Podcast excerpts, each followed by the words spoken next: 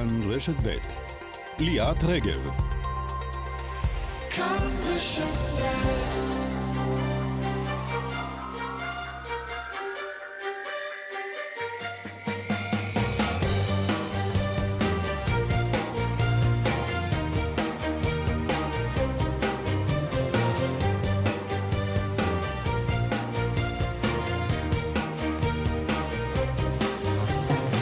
שלום לכם, בוקר טוב.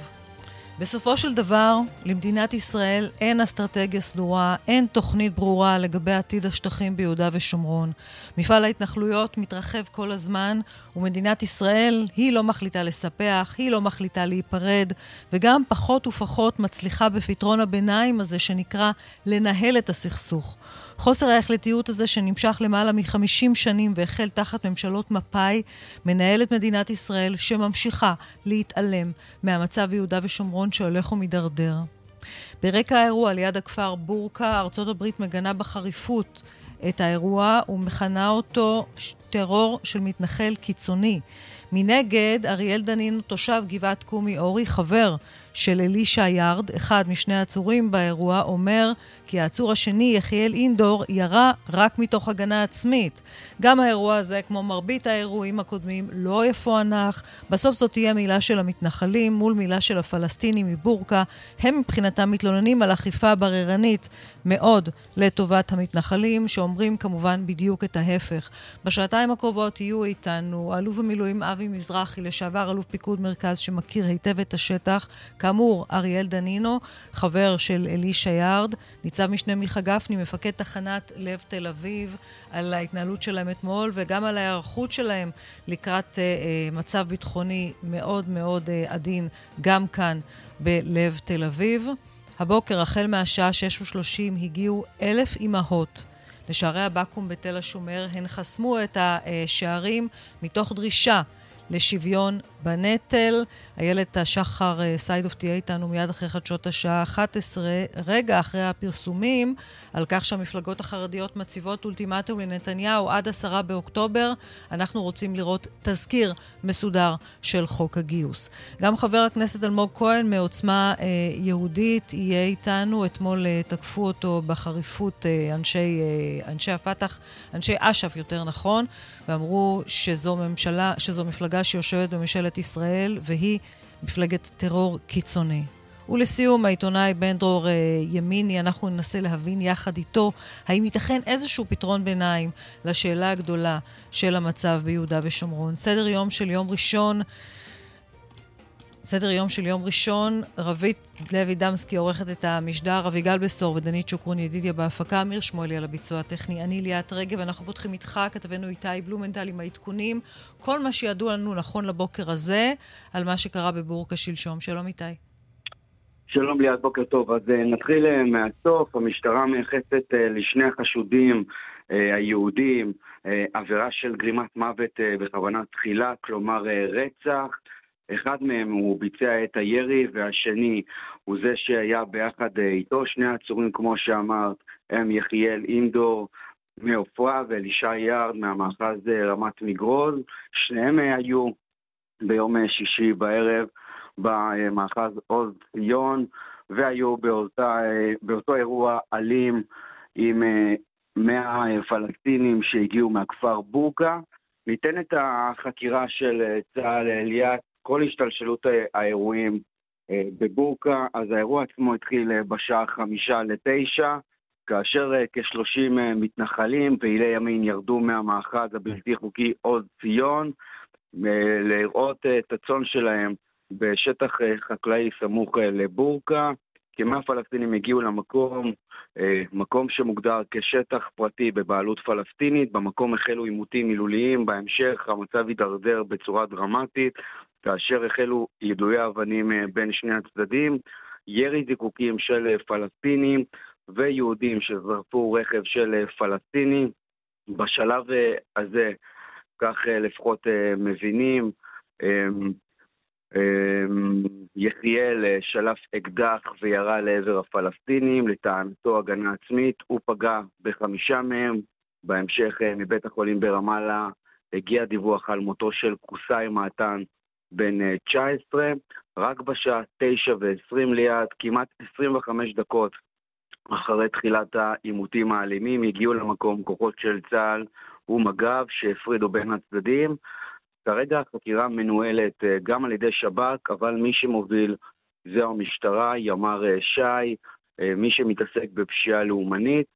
צריך להגיד שמאז אותו אירוע ביום שבת, בלילה, בערב שבת, במערכת הביטחון נערכים לאפשרות של הסלמה בשטח.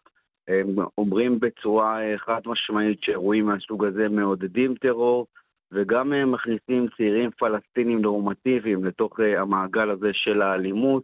כלומר, אה, יש כוננות שיא בכלל האירוע הזה באזור בנימין, אבל ברחבי יהודה ושומרון. איתי, ועוד מילה אחת לגבי ההצטרפות של בכירים מאוד במערכת הביטחון לשעבר, ראשי שב"כ, אלופים במיל, ראשי שב"כ לשעבר, בהם נדב ארגמן, אה, יובל דיסקין, אלופים במיל כמו אה, טל רוסו, רוני נומה אה, ועוד, הם מבקשים הבוקר להצטרף לעתירה נגד ביטול עילת הסבירות שהוגשה ביום חמישי. נכון, אז העתירה הזאת הגיש אלוף משנה במילואים שפרטיו נשארו חסויים בגלל תפקידו במערך המבצעים המיוחדים של צה"ל וחשש לביטחונו האישי, והבוקר עוד 19 אה, קצינים בכירים, כמו שאמר, אה, אנשים שכיהנו בתפקידים בכירים ביותר, ראש השב"כ לשעבר נדב ארגמן, אה, יובל דיסקין, האלופים טל רוסו, נמרוד שפר, רוני נומה, ועוד בעלי תפקידים משמעותיים גם במוסד. כולנו רק לאחרונה קראנו את המכתב של אלוף משנה במילואים נבו ארז, ועוד בכירים הצטרפו לעתירה, והם למעשה טוענים ש... יש לבטל את אה, עילת הסבירות. אה, עורך דינה מודד צבוראי אומר שמדובר במאמץ מאורגן שנועד למנוע מידע חיוני ומהותי מחברי כנסת בטרם יצביעו. ככזה הדבר היווה פגם חמור בהליך החקיקה. בין היתר הטענות שלהם אה, שהדבר הזה עלול לסכן אותם בהמשך, יכול להוביל גם לכך שיעצרו בגין אה, פשעי מלחמה ברחבי העולם, כי חלק ממה שבמערכת הביטחון אה, אומרים לנו, כך זה יצטייר החלש, החלטה, החלשה של אה, מערכת המשפט. האלוף במילואים נמרוד שפר אומר שהעותרים כולם מהווים קבוצה של לוחמים ומפקדים, שפעילותם מבוצעת תמיד תחת זכוכית מגדלת של שיקולים מבצעיים, ולמעשה הלוחמים כרגע יעשו את הכל כדי להמשיך לשרת את המדינה, והם חוששים באופן ממשי שכפי שאומרים כן. היועצת המשפטית לממשלה ועוד מומחים, ביטול עילת הסבירות יוביל לסיכון ולחשיפה ממשית שלהם, דבר שעלול להוביל גם למעצרים נגדם וכתבי אישום בבתי משפט שונים ברחבי העולם. אז עוד uh, זווית לעתירה שהוגשה ביום חמישי. כן, תוספת. הם בעצם עותרים נגד uh, uh, הביטול של עילת הסבירות. תודה רבה, איתי. אם יהיו פרטים נוספים על האירוע בבור, קשוב אלינו בהמשך. תודה רבה. תודה. ובמקביל לדברים האלה, גינוי חריף מאוד שמפרסמת אה, ארצות הברית לאירוע בבורקה. אנחנו איתך, כתבתנו המדינית גילי כהן. שלום, גילי. שלום ליאת, כן, אה, מחלקת המדינה האמריקנית אה, מוציאה הלילה ציוץ בטוויטר שמיוחס אה, לסניף של מחלקת המדינה שמתעסק במזרח התיכון, ובו ארצות הברית למעשה מכנה את האירוע בבורקה כמתקפת טרור של מתנחלים קיצוניים לא פחות. ההודעה הזאת כמובן כוללת גינוי חריף של המעשה הזה. ואומרת שמדובר במעשה טרור שבוצע על ידי ישראלים, מתנחל, מתנחלים קיצוניים ישראלים, שהרגו את אותו צעיר פלסטיני בן ה-19. ארה"ב גם שולחת uh, את uh, תנחומיה למשפחתו של הצעיר הפלסטיני, ו... מציינת שהיא מודעת לכך שישראלים נעצרו בעניין הזה, אבל קוראת לאחריותיות ולצדק. ארה"ב לא המדינה היחידה שהתייחסה לתקרית בבורקה. גם אה, שגריר גרמניה בישראל צייץ בנושא, גם הקונסוליה הבריטית קראה לצדק לכל המעורבים אה, בעניין הזה בעקבות אה, הריגתו של קוסאי מוטן. וגם שליח האו"ם למזרח התיכון, תור ונצלנד, הוציא אתמול הודעה בה הוא גינה בחריפות את מעשי האלימות של מתנחלים, קרא לחקור את האירוע, להטיל את האחריות על העבריינים, אבל אין ספק שההתבטאות הזו של הממשל האמריקני, של מחלקת המדינה האמריקנית, מאוד חריפה וחריגה, קובעת שמדובר בטרור יהודי. אה, זה הציוץ אה, שצויץ על ידי אה, מחלקת המדינה האמריקנית, וכל זה קורה כאשר היום בשעת אחר הצהריים צפוי להיות מכונס הקבינט המדיני-ביטחוני. זה דיון שנקבע מראש. והוא, לפחות על פי מצע הדיון שנשלח, אמור לעסוק בשני נושאים. ראשית, המתיחות בלבנון, ושנית, הזירה הפלסטינית. בכלל רצו לדבר על הקלות לרשות הפלסטינית, אבל אין ספק ששני האירועים הללו, גם הפיגוע בתל אביב וגם האירוע בבורקה, אה, ידרשו אה, ודורשים גם את ההתייחסות ואת הערכת המצב של אה, הדרג אה, הביטחוני אל הדרג המדיני. באופן כללי האמירה היא שהמצב בגדה רגיש, יש עלייה בניסיונות הפיגועים, ושכמובן טרור יהודי ומעשה פשיעה לאומנית שמבוצעים על ידי אה, מתנחלים, מביאים גם הם להסלמה בשטח. זו אמירה הכללית של מערכת הביטחון, שכמובן נכונה גם כעת. ורק עוד נקודה אחרונה, ליאת, עד עתה הקבינט לא עסק בסוגיית הכשירות של צה"ל בשל החקיקה, בשל השינויים במערכת המשפט. לא התקיים דיון בנושא.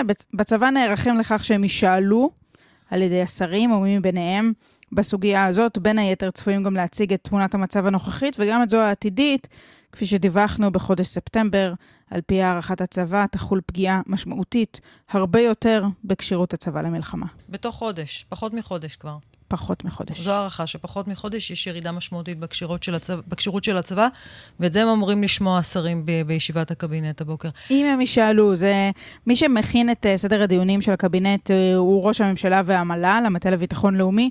זה לא מופיע בנושאים לדיון, אבל בדרך כלל כשהצבא uh, נשאל בנושאים שונים ומגוונים, הם גם מספקים תשובות. זה כנראה גם מה שיקרה היום. גילי, תודה רבה. תודה. עוד מעט יהיה איתנו כאן אה, אריאל דנינו, חברו של אלישע יארד, אחד אה, משני העצורים אה, באירוע בבורקה ביום שישי, אבל עכשיו אנחנו רוצים לומר שלום למתן איוון, סגן מנהל הסיירת לביטחון עירוני, סיירת סלע של עיריית תל אביב-יפו. שלום. שלום, שלום למאזינים. קודם כל, אנחנו משתתפים בצערכם על אובדנו של חן, אמיר, כן, אה, אובדן כבד. ראשית, אני מבקש באמת לחזק את ידיהן של אה, ורד והבנות על האובדן הכבד של חן. איבדנו עובד, חבר, אדם יקר, אה, שאם ככה להעיד עליו במילה, אז באמת אדם שהחיוך שלו נראה למרחקים, נעים הליכות, מקצוען בתחומו, ורק ככה אנחנו נזכור אותו. מה אתם יודעים על מה שקרה שם אתמול? מה שקרה אתמול זה ששני רוכבים שלנו מיחידת האופנועים באגף סלע, סרט לביטחון ולשיטור עירוני של עיריית תל אביב-יפו, נסעו סיור שגרתי אה, ברחוב אלנבי, פנו לרחוב מונטיפיורי. במהלך נסיעתם על רחוב מונטיפיורי הבחינו באדם חשוד, הם כבר חלפו את אותו אדם אה, והחליטו, מה שנקרא, תחושת הבטן שלהם וגם זה שהוא לא יצר איתם קשר עין, העלו את רמת החשד אצלם. הם פרססו במטרה לבדוק אותו. רגע, הם, הם כבר אה, המשיכו קדימה, ואז המשיכו, המשיכו, איזושהי אינטואיציה אמרה להם לחזור? יפה, אינטואיציה, וגם את יודעת, גם זה שהוא לא יצר איתם קשר עין, בסוף יצר את ה... העלה את רמת החשד שלהם. Mm-hmm. נראה להם חשוד, חזרו אליו, אה, ובמהלך התיקול שלו בעצם, המגע איתו, שני אופנוענים, הרוכב שרכב מקדימה, שזה חן, אה, וממש העמיד את האופנוע במטרה לבדוק את החשוד, אה, אותו מחבל נתעב החל לירות עליו, אה, פגע בו, ושותפו מיד קפץ מהאופנוע והחל לירות על המחבל במטרה לנטרל אותו. חשוב להגיד שהמחבל, מה שנקרא בכוחותיו, ניסה לירות על שותפו ולא פגע בו. ובאמת במותו של חן אה, נמנע, נמנע אסון כבד וגדול אה, באזור הומי אדם. מה אתה יכול לספר לנו על חן? כמה שנים הוא חבר אה, בסיירת? ספר עליו. חן, חן עובד שנים רבות יחסית באגף סלע, חשוב להגיד שהאגף הוקם ב-2015, אבל אני כבר אחזור לזה, חן עובד די ותיק, משהו כמו 6-7 שנים. רוכב בסיירת האופנועים, חן מקצוען, באמת בתחומו, אה, הן כרוכב, הן בתפעול נשק, הן אה, בטיפול באירועים, עשה עבודה אה, מצוינת לאורך השנים, עובד מסור, מחויב, שנתן מעצמו, ולצערי גם שילם מחיר כבד. מי האנשים שמגיעים לסיירת? אתה אומר שזו סיירת שהוקמה בשנת 2016. 2015. 2015, כן, לפני שמונה שנים. מי האנשים שמגיעים? מה המטרות של הסיירת? איך הם מתאמנים? לדבר בהרחבה רגע על אגף סלע. אגף סלע, הסרט לביטחון ולשיטור עירוני של, של עיריית תל אביב-יפו, הוקמה בשנת, הוקם בשנת 2015 על ידי ראש העירייה. האגף היום מונה כ-220 סיירים ו-50 שוטרים שפרוסים בשטח במטרה לחזק את הביטחון האישי ברחבי העיר תל אביב-יפו, 24-7. אני יכול להגיד לך שלאורך השנים אנחנו ידענו פיגועים בעיר, היינו שותפים למענה. אה, הפעם זה פגש אותנו מקרוב, עלה לנו במחיר כבד מנשוא. אנחנו עובדים בצמידות למשטרה, מהווים מכפיל כוח אה, ברחובות העיר. ושוב, אתמול אה, נוכחנו לדעת שהמציאות, הימצאות אנשי האגף שלנו ברחובות העיר היא מחייבת המציאות. במותו של חן הגיבור יחד עם השותף שנטרל את המחבל, עוז, נמנע אסון גדול ורחב היקף. אני מזכיר שרק באפריל האחרון האנשים שלנו היו שותפים אה, לניטרול המחבל בצ'ארלס קלור, אה, גם בשישי בשעות הערב, אה, ומנעו גם אז אסון גדול, וכך לאורך השנים. האגף שלנו, האנשים, לוחמים של ממש, מטפלים בעיר באלפי קריאות שירות, במאות, בעשרות אלפי קריאות שירות, סליחה, במהלך השנים. ובאמת עושים לילות כימים כדי לשמור על שלומו וביטחונו של הציבור. איך תמשיכו מעכשיו? כלומר, אה, גם, אמ, זה, תקן אותי אם אני טועה, זו פעם ראשונה בעצם ש, שנפגע אדם מהסיירת, נכון? אה, זו פעם אה, ראשונה שנפגע אדם מהסיירת בנסיבות כאלו. לצערי הרב, אנחנו נאלץ להמשיך בשגרה, אנחנו מחזקים את ידי גם המשפחה, גם החברים לצוות, גם החברים לאגף, אנחנו עטופים מקצה לקצה, אני יכול לעדכן אה, ככה שנעשתה איזושהי מחווה מרגשת ויצרו איזה גלעד שם על ספסל ומתקשרים עשרות תושבים ומאות תושבים למוקד העירוני במטרה לקחת חלק בהלוויה היום שהמועד עדיין אינו ידוע. אה, אנחנו נמצא פרטים בהמשך, אבל באמת אה, מחוות מאוד מרגשות, אנחנו עטופים מקצה לקצה ועל כך הערכה רבה. אני מאוד מודה לך, מתן איוון, סגן... לך. סגן מנהל הסיירת לביטחון עירוני של עיריית תל אביב, שלא תדעו עוד צער. תודה. תנחומינו כמובן גם למשפחתו של uh, חן אמיר, ששמענו עליו דברים כל כך יפים וחמים עכשיו ממתן. תודה רבה, מתן. תודה. אנחנו חוזרים אל האירוע בבורקה. מצטרף אלינו כעת אריאל דנינו, תושב גבעת קומי אורי, חבר של אלישע יארד, אחד משני העצורים אחרי האירוע בבורקה. שלום, אריאל. שלום, ליאת. דיברת איתו? עם אלישע? לא, איך הספקתי? הוא עצור. לא הספקת לדבר איתו. אבל מה אתה... אבל דיבר, אני אגיד לך, דיברתי עם uh, אנשים אחרים שהיו שם באירוע, וביררתי כמה שאני יכול.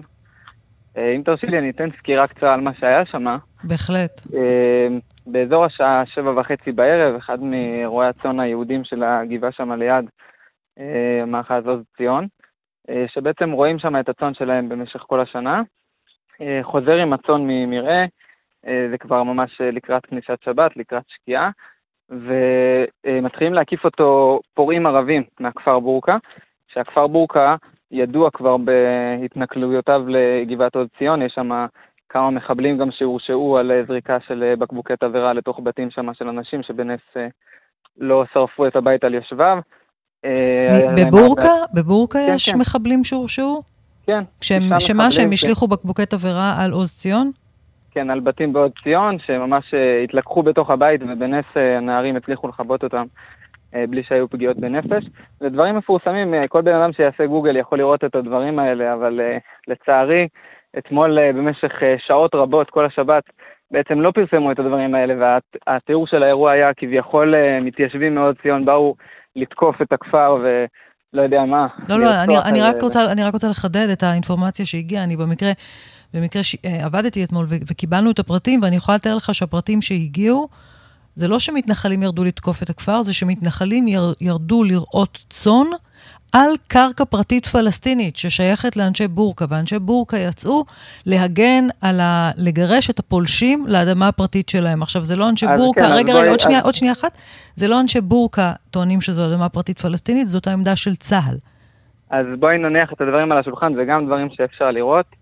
פורסמו גם בטוויטר ובמקומות אחרים. טוויטר זה לא בכלל... המקור הכי מהימן בעולם, אתה יודע. הם פורסמו עם מפות. את רוצה, את יכולה לבדוק עם מפות של אתר המפות הממשלתי, לא איזשהו משהו שמישהו המציא. השטחים שם לא נחשבים בכלל של הכפר בורקה. הם נחשבים, שעקרונית הם נחשבים של הכפר ביתין, הם לא היו מעובדים מעולם, ולא היה להם דרישה אף פעם. עכשיו אני אגיד לך גם יותר מזה, אה, הטענה כביכול זה איזושהי התארגנות ספונטנית של ערבים מבורקה להגן על אדמותיהם, כן, ששוב אני אומר, היהודים רואים שם את הצאן שלהם לא פעם ראשונה, והערבים שהיו שם באירוע זה לא רק ערבים מבורקה, היה שם בערך 200 פורעים ערבים, כולל מהכפרים הסמוכים, שהגיעו מראש מתוך מטרה לתקוף יהודים. מה זה מראש? הם הגיעו לשם לפני שהמתנחלים הגיעו למקום?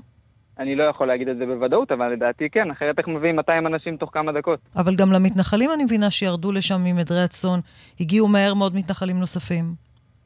שוב, אם, אם רוצים לנהל פה את כל הדיון האם אה, מתנחלים ראו את הצאן במקום מסוים ולכן זה בסדר לנסות לרצוח אותם, אז אפשר.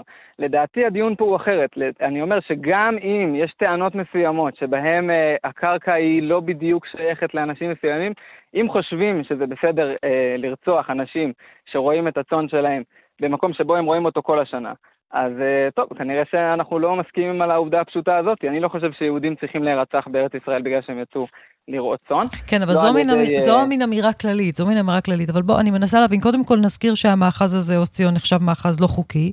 המאחז שממנו הם כן. ירדו. אני מניחה של... גם הכפר בורקה גם הוא בונה בצורה לא חוקית שם על כל השטחים. לא, עוז ציון לכשעצמו הוא מאחז לא חוקי, נכון? רגע, הכפר, הכפר בורקה הוא חוקי? למיטב הבנתי, כן. כל הבנייה מסביב של הכפר בורקה היא בנייה חוקית, אני, מאושרת? אני לא יודעת לגבי הבנייה מסביב, אני, אני יודעת שהכפר עצמו הוא כפר חוקי, שהוקם באופן חוקי. עוז ציון, כל, כל המאחז הזה הוקם באופן לא חוקי. אתה מוזמן לתקן אותי אם אני טועה. לא, אני לא חושב שאת טועה, אני חושב שברוך השם יש הרבה יישובים ביהודה ושומרון שהוקמו בצורה שעוד ציון הוקם, רוב מוחלט של היישובים ביהודה ושומרון הוקמו בצורה שבהתחלה הם לא היו חוקיים, ובהמשך הם עברו אה, תהליך של הסדרה. אבל עוז ציון בגלל... עדיין לא עבר תהליך של הסדרה. אני לא מבין אבל איפה את חודרת ליד, זה ממש נשמע כאילו את אומרת שבגלל שעוד ציון לא עבר תהליך של הסדרה, זה בסדר שמחבלים יזרקו עליהם בקבוקי תבערה לא וינסו לא, לא, לא, לא. להרוג אותם בעזרת אריאל, אריאל, אריאל, אריאל, קודם כל, אני לא אמרתי דבר כזה בכלל. אני לא אמרתי שאמרת, זה פשוט נשמע ככה לא, מבין הדברים. לא, אריאל, אריאל, אני מנסה רק למפות את הסיטואציה. בוא להסתכל, להסתכל יחד איתך בזום אאוט על הסיטואציה, להבין את כל המערך, ותכף אני אגיד לך למה אני שואלת על החוקיות או אי-החוקיות של המאחז הזה. חס וחלילה, אני לא מתכוונת ולא חותרת לשום דבר, הכל בסדר. אני רק מנסה להבין את הסיטואציה וגם לתאר אותה למי שעדיין לא, לא הבין את הפרטים של מה שקרה שם אתמול. עכשיו אני רוצה לשאול עוד שאל, שאלה. למה היה צריך לרדת, לראות את הצאן דווקא באזור הזה? אין אזורים למרעה שיותר קרובים לעוז ציון, שפחות יסכנו את ביטחונם של, של רועי הצאן, של החברים שלך? אז הנה... אז הנה שוב עוד פעם חלק ממה שהיה, שלצערנו לא יכלנו להגיב לזה בזמן אמת, כי אנחנו לא מתראיינים לתקשורת בשבת, אבל זה פשוט uh, התקשורת אימצה לגמרי את הנרטיב הערבי שמדובר באנשים שהגיעו לראות צאן בשטחים של בורקה. זה אנשים שרואים שם את הצאן שלהם במשך שנים. מי? הגבעת... תושבי מאח... עוז ציון? כן, מאחז עוז ציון קיים כבר 11 שנה. סבבה, הוא עלה לשטח לפני 11 שנה, אני הייתי שם בתור נער. אני לא מדובר על איזשהו משהו שהתחיל אתמול. השטח שבו הם רואים, הם רואים בו שם כבר כמה שנים, אני לא יודע להגיד לך בדיוק מספר מדויק של שנים, אבל זה לא, גם לא משהו שהתחיל אה, בשבת האחרונה. זה ולא... אותו שטח בדיוק שהם היו בו אתמול? כל התא השטח הזה, זה תא שטח מאוד גדול, אבל כל התא השטח של עוז ציון, של הגבעה של עוז ציון והשטחים של ליד, זה שטחים שבהם הרועי צאן היהודים של עוז ציון והעדרים שלהם רואים אותם שם. עכשיו אני אשאל אותך, אני אגיד לך למה אני שואלת אותך בעניין של מאחז לא חוקי, כי אני מסתכלת רגע בעיניהם של, של הכפריים הפלסטינים. באמת, אני, בואו בוא ננהל פה דיון רגוע, אני מבינה את ההתלהטות, אבל אני כן מנסה לד... לנהל פה דיון ענייני. כשיושבים uh, תושבים פלסטינים ורואים מאחז לא חוקי, שמוקם באופן לא חוקי, מדינת ישראל לא מפנה אותו, ואחר כך הם רואים במשך שנים, כמו שאתה אומר, שתושבי אותו מאחז לא חוקי יורדים ורואים את הצאן שלהם, גם באזורים שלא שייכים למאחז עוז ציון. אתה לא יכול להבין את הכעס והזעם שהולך ומצטבר בקרב הפלסטינים? ואני אשאל אותך הפוך, אני בתור תושב יהודה ושומרון שנוסע ב... כבישים ורואה כל הזמן את הערבים, רואים את הצאן בשטחים שלא שייכים להם, כולל ממש צמוד ליישובים וצמוד לכבישים. ובונים בנייה לא חוקית מסיבית בכל השטחים, בלי אישורים ובלי שום דבר, כולל פריצה של שטחים, כולל הרס של עתיקות, כולל דברים. אז זה לגיטימי שאני אקח את החוק לידיים ואתחיל לראות זיקוקים ו- ולזרוק סלעים? כי אם כן, אז אולי נשווה פה את המצב. את מבינה שכאילו באים ואומרים, עוד ציון זה מאחז לא חוקי. מתעלמים לחלוטין מהבנייה הערבית הלא חוקית שמשתוללת, אני ממש אומר משתוללת כל יום, נכבשים עוד ועוד דונמים שפשוט נתפסים בידיים ערביות, כולל תקציבים, תקציבי עתק מהרשות הפלסטינית ומהאיחוד האירופי. מה זה אומר, ואז... בנייה, מה זה אומר בנייה לא חוקית? בנייה ערבית לא חוקית, כולל בנייה בשטחים שמכונים שטחי C, כולל בנייה באדמות מדינה, כולל פריצה של שטחים. אה, שוב, אלה לא, הדברים אולי נשמעים לך מוזרים, כי אצלכם לא כל כך מסקרים את זה. לעומת זאת, מאחז יהודי זוכה לכותרות, ברוך השם. אבל המצב הוא הפוך לגמרי, לצערי הרב. לצערי הרב, המון המון המון שטחים נתפסים כל יום בבנייה לא חוקית של ערבים. Okay. אוקיי. ואני עדיין לא ראיתי שעשרות יהודים יורדים מה, מהיישובים שלהם כדי לתקוף בזיקוקים ובאבנים ערבים שרואים את הצאן ליד היישוב שלהם. טוב, אבל, אבל תקפו כפרים פלסטינים בנסיבות אחרות, אבל בוא לא ניכנס, וזה קרה בשבועות האחרונים, אבל בוא, בוא לא ניכנס לזה, אריאל. אני רוצה רגע לחזור איתך למה שקרה אתמול. אתה אומר, רועי צאן, הגיעו למקום, הם רואים באותו מקום כבר שנים, ופתאום תקפו אותם פלסטינים בלי שהייתה שום פרובוקציה מצד רועי הצאן. לא, לפי מה שאני מבין ממנו, הגיעו אה, בערך עשרה ערבים והתחילו לבדוק אה, מי נמצא שם ומה, ושהם הבינו שהרועה צאן יחסית לבד ומבודד משאר הגבעה, פשוט תוך דקות ספורות הם הביאו 200 ערבים, לכן אני גם אומר, לדעתי זאת התארגנות שהייתה מראש, קשה להאמין שכזאת כמות מגיעה בהקפצה ספונטנית, מה שנקרא. ולמה הוא היה צריך לירות? למה אינדור היה צריך רגע, לירות. בנשק חם? אז, אז שנייה רגע, אני אסביר. האירוע כולו אה, לא היה כמה דקות, הוא התרחש אה, כמעט שעה, אפילו שעה ומשהו. ואינדור הוא בחור שיש לו נשק, ברוך השם, והוא היה צריך פשוט להגן על עצמו ועל החברים שלו. למה? באיזה מצב, הוא, באיזה מצב הוא היה שהוא היה צריך לשלוף נשק אומר, ולראות? אז אני אומר לך שוב, מדובר שם, אנשים שם מספרים לי, ודרך אגב זה גם משהו שהמשטרה לא הכחישה אותו בכלל בדיון שנערך אתמול בבית המשפט, שהיה שם ירי אה, ישיר של זיקוקים, היה שם ערבים עם עלות ברזל, היה שם סלעים שנזרקו עליהם. אה, אני מתאר לעצמי שבטח ראיתם, ומי שלא, אה, אמנם קשה לצפייה, אבל הראש הפתוח של אינדור, שזה ממש, אם אין סכנת חיים בלפרק את הגולגולת לשתיים, אז אני לא יודע מה זה כן סכנת חיים. זה היה הסיטואציה שם. אריאל, אם זה כל כך... דרך אגב, אני אגיד לך כן. גם, אני אגיד כן. לך גם עוד משהו, כן. שאני לא יודע אם אנשים אחרים יודעים, אני עכשיו התוודע לי מעוד שיחות שעשיתי עם אנשים שהיו שם, אינדור הוא לא הפצוע היחיד, היו עוד ועוד פצועים מהאירוע הזה, אמנם ברמה פחות חמורה מאינדור, שפחדו ללכת לקבל טיפול רפואי אחרי שהם ראו שהוא נעצר אה, על רצח. שבעצם בן אדם שניצל מלינץ' והגן על החיים שלו נעצר על רצח, הם פחדו, ואני אומר, המציאות הזאת היא הזויה, לא ייתכן שבכל מקום אחר אה, בן אדם שהיה מחסל, מחבל שמנסה לרצוח אותו ואת חברים שלו היה מקבל צל"ש. כן. ורק אתה פה... קורא לבחור, זה... אתה קורא לבחור שנהרג שם מחבל? בוודאי. הצעיר, הצעיר, הצעיר מבורקה הוא מחבל? אה, לא, דרך אגב, בואי נתחיל, לא רק אני קורא לו מחבל, גם אה, ארין אל-אסד, כן, אה, גובה האריות וחמאס לקחו אחריות עליו ומהללים את השהיד בהלוויה שלו, הם קראו לו שהיד. אז אה, לא טוב, אני עושה לא את זה והם עושים את זה. נכון, אבל זה לא אומר שהוא התכוון למקום הזה. זה שהם לקחו אחריות עליו אחרי מותו, זה לא אומר. הוא היה זה לא מעיד על כוונותיו. הוא היה בתוך קבוצה של מאות ערבים שתקפו יהודים עם עלות ברזל, עם סלעים, בירי של זיקוקים. אם זה לא מחבל, אז אני לא יודע מה נחשב מחבל. אריאל, תגיד לי רגע בבקשה, אנחנו עדיין מנסים לברר את הפרטים של מה, של מה שקרה שם, ואולי לעולם לא נדע בדיוק מה שקרה שם, כי בסוף זה הרי יהיה גרסאות של חבריך מעוז ציון, לעומת הגרסאות של הפלסטינים מבורקה. אין שם מצלמות ואי אפשר יהיה ככל הנראה לפענח בדיוק את מה שקרה שם. למה אלישע גם חשוד במעורבות במוות, אלא האשמות מאוד מאוד חמורות? הוא לא ירה. אתה מבין למה גם הוא חשוד? אז אני לדעתי, יש פה, במקרה של אלישע ספציפית, זה לדעתי מעצר מאוד מאוד פוליטי ותקשורתי. פוליטי? מאוד מאוד מאוד. שבעצם הבן אדם אה, שיתף פעולה עם השוטרים, גם לפי טענת המשטרה, בשנייה שהם הגיעו. דרך אגב, הם לא ידעו אפילו שהערבי שם נהרג, כן? הם לא ידעו את זה. מבחינת החבר'ה באירוע, חלקם נעצרו בליל שבת, הם הגיעו לתחנת משטרה ואמרו להם, אתם חשודים ברצח. הם כמעט צחקו, הם אמרו, מה רצח? אנחנו ניצלנו מרצח. הם אמרו, לא, לא, לא, אתם חשודים ברצח. אנשים שם היו בשוק, הם לא הבינו אפילו שיש פה איזה ערבי שנהרג עוד יותר הזוי ממה שמתארים, כביכול אה, מתנחלים ירדו לעשות כן, פוגרום כן, כן, אבל למה, למה אתה אומר שהמעצר אבל... של אלישע הוא מעצר פוליטי? כי אני אומר שוב, הבן אדם נעצר בהתחלה בחשד לשיבוש, אה, למרות שהוא שיתף פעולה עם השוטרים, הביא להם הכל, דיבר איתם, מסר את הגרסה שלו, שיתף פעולה, בניגוד למה שאמרו שהוא כביכול שותק ולא מוכן להגיד כלום ודברים כאלה, זה גם כמובן אבל למה פוליטי? מהשקרים. למה פוליטי? כי... המשטרה עצרה אותו על רקע פוליטי? כי, כן, כי עובדה שהבן המש... אדם היה, רגע, הבן אדם היה עוזר של חברת כנסת uh, לימור סון הר מלך, הבן אדם פעיל מאוד uh, רציני גדול בהתיישבות, יש לו, בעיניי, יש לו המון המון זכויות, שהוא עושה המון המון okay. אוקיי. דברים.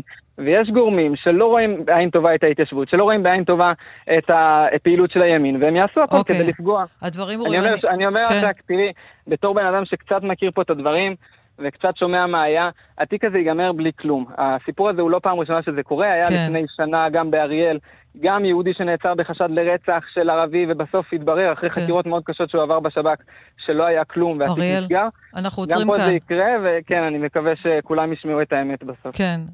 אנחנו לא, לא, לא, זה שזה ייגמר בלא כלום, זה לא בטוח שזאת האמת, אבל זה בטוח שזה ייגמר בלא כלום.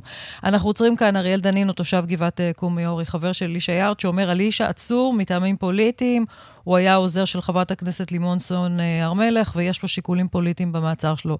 דברים מאוד חמורים שאתה אומר. אני מודה לך, אריאל, תודה רבה לך. תודה, להתראות. אנחנו יוצאים להפסקה, ומיד אחרי יהיה כאן עם אבי מזרחי, מי שהיה אלוף פיקוד מרכז, מכיר היטב את השטח, מכיר היטב את ההתנהלות שם, הוא יגיב גם לחלק מהדברים שנאמרו כאן. עכשיו עשר וארבעים כאן uh, בסדר יום. שלום למי שהיה אלוף פיקוד מרכז, האלוף במילואים אבי מזרחי. בוקר טוב. שמעת את הדברים של אריאל אה, דנינו, חבר של אה, אלישע יארד. הוא אומר, הם רואים את הצאן שם כבר שנים, והם הותקפו על ידי הפלסטינים במתקפה שנראית מכוונת. אנחנו נוכל לדעת אי פעם מה היה שם באמת? רק אם uh, יופיע איזשהו סרטון וידאו שמישהו צילם בזמן אמת של התא של האירוע, אולי נדע, כי אני לא חושב שיש בשטח שם מצלמות שתיעדו את האירוע הזה, ולכן זה מילה מול מילה. ורק, אה, כמובן שרק אז נדע אם אה, מי צודק או מי אמר את הדברים האמיתיים.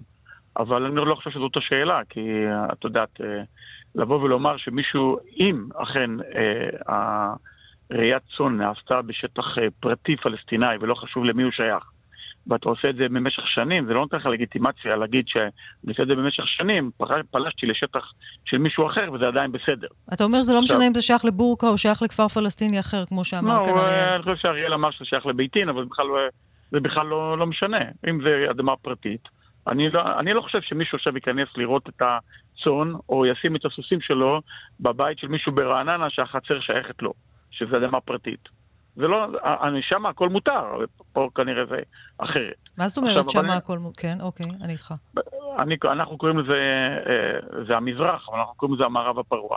במערב הפרוע של מזרח, אה, מזרח אה, השומרון, והכל אפשרי, הכל מותר, וזה מאוד, מאוד מקומם של לחשוב שמישהו מכניס את עצמו למצב של סכנת חיים, ואז כמובן הוא בסכנת חיים, ואז הוא יורה, ואז הוא הורג, והוא אומר, מה אתם רוצים? אני, אני הייתי בסכנת חיים. אז מה, אם אתה נכנס לבאר, ואתה לא יודע איך לצאת ממנה, אז אל תבקש עזרה.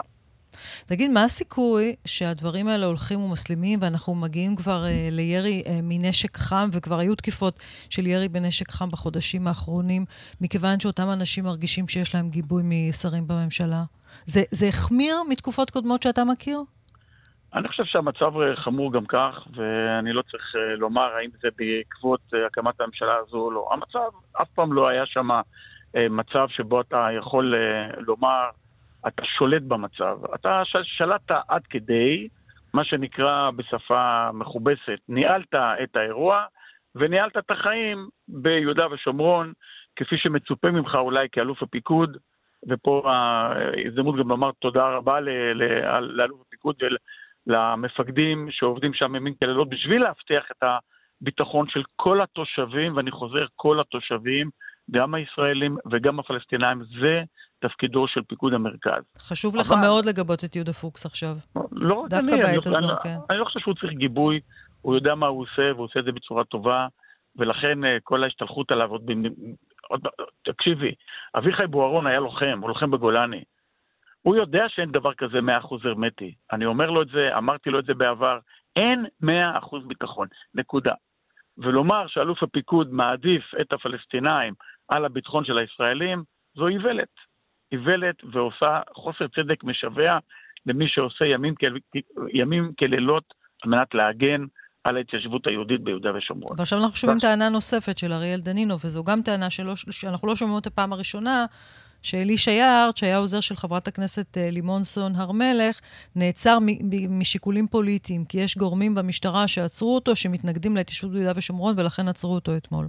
הפוך, הרי היום, אה, לצערי אני אומר את זה, אה, הרבה מאוד מהקצונה הבכירה של המשטרה מתבטלת בפני בן גביר.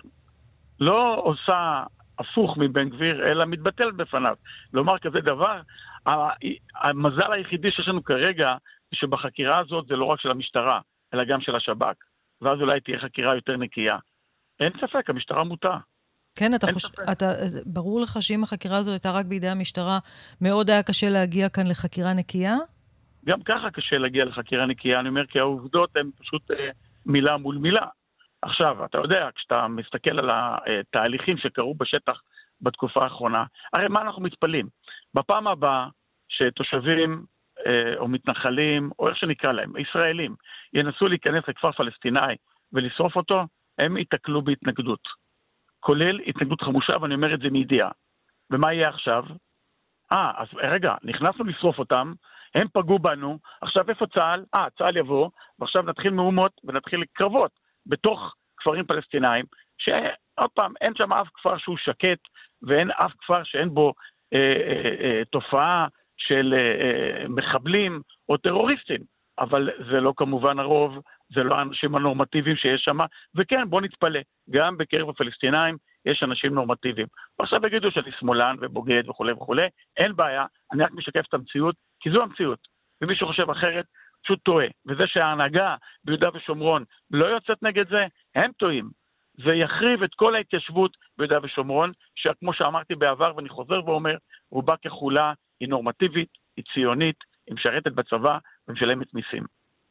אמר כאן אריאל דנינו ש, שבכלל היו מקרים של צעירים מבורקה שהגיעו למאחז לעוז ציון וזרקו שם בקבוקי תבערה לתוך בתים, ובנס נערים ניצלו כי הם ברחו מהבתים האלה בזמן. אתה מכיר אירועים כאלה? אני לא מכיר, אבל uh, אני מניח שאם אריאל uh, דיבר על זה, כנראה שהיו כאלה דברים. עוד פעם, הם לא צדיקים, הם לא אוהבי ישראל, והם uh, נלחמים על האדמות שלהם ועל הבתים שלהם. ועוד פעם, אני לא מצדיק אותם, רק אני אומר שעד היום אה, היו רק אה, תהליכים הפוכים שבה אה, יהודים אה, שרפו משפחה פלסטינאית ולא הפוך. אבי, איך, איך אנחנו מתמודדים עם הטענה של אריאל דנינו, והוא לא היחיד שמשמיע אותה, על כך שיש הרבה מאוד בנייה לא חוקית פלסטינית בשטחי C, C והמינהל האזרחי לא עושה כלום, הם ממשיכים לבנות, אף אחד לא הורס את הבנייה הלא חוקית הזו.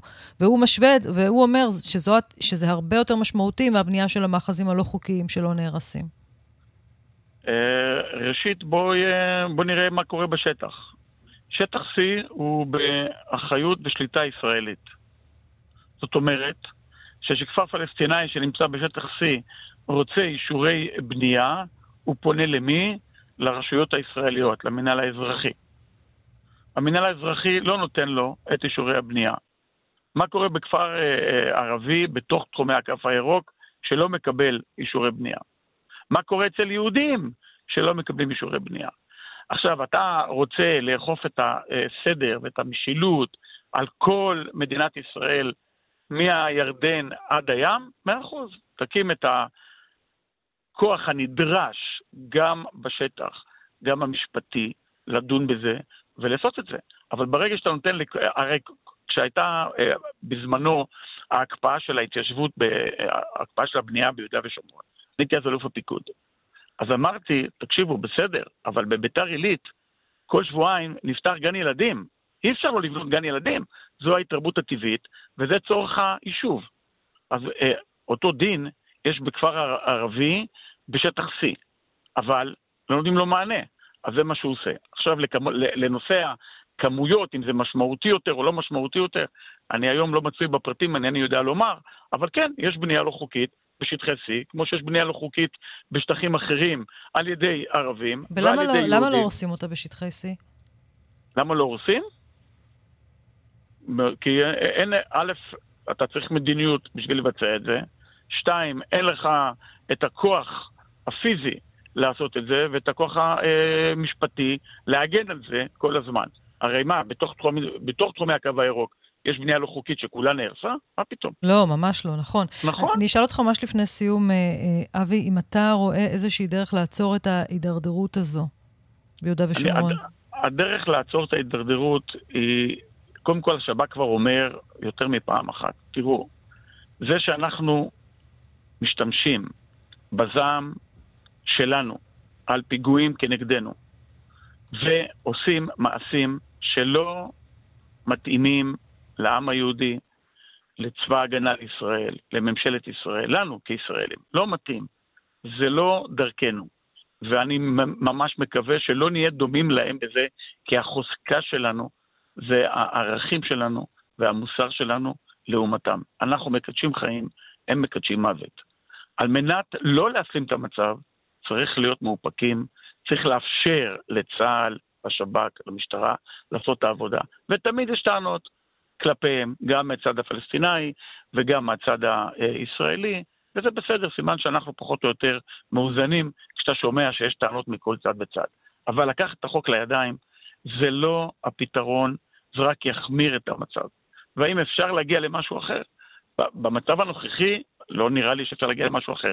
אז צריך לשמור על הקיים ולנסות לא לדרדר אותו. כן. ובאותה הזדמנות אני רוצה לומר, בקצרה. כי חווינו פיגוע קשה בתל אביב ביום uh, uh, אתמול, ולמסור באמת תנחומים, באמת לגיבור הזה, לחן אמיר, ולמשפחה שלו, על מה שהוא עשה עבור כל עם ישראל, ושימו לב שבאותו רגע לא מבדילים בין ימין ושמאל, והמחבל לא מבדיל בין ימין ושמאל ובין דתי לחילוני, אלא מבחינתו אנחנו ישראלים, וזה מה שהוא רוצה לעשות ולפגע בנו. אני מאוד מודה לך, אלוף מילואים אבי מזרחי. תודה רבה, אבי. יום טוב. אנחנו שבים אליכם אחרי חדשות השעה 11 עם האימהות שחסמו היום את הכניסה לבקו"ם עד שלא יהיה שוויון בנטל, עם חבר הכנסת אלמוג כהן מעוצמה יהודית, עם בן דרור ימיני שאומר יש פתרון מדיני למה שקורה כרגע בשטחים, רק צריך שמישהו יאמץ אותו, וגם עם מפקד תחנת לב תל אביב, אנחנו נשאל אותו איך הם נערכים לשבועות הקרובים, אחרי 11.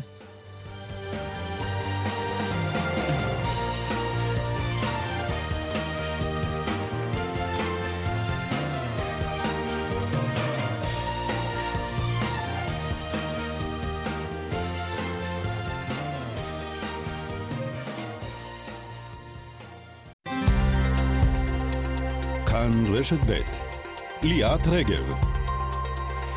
כאן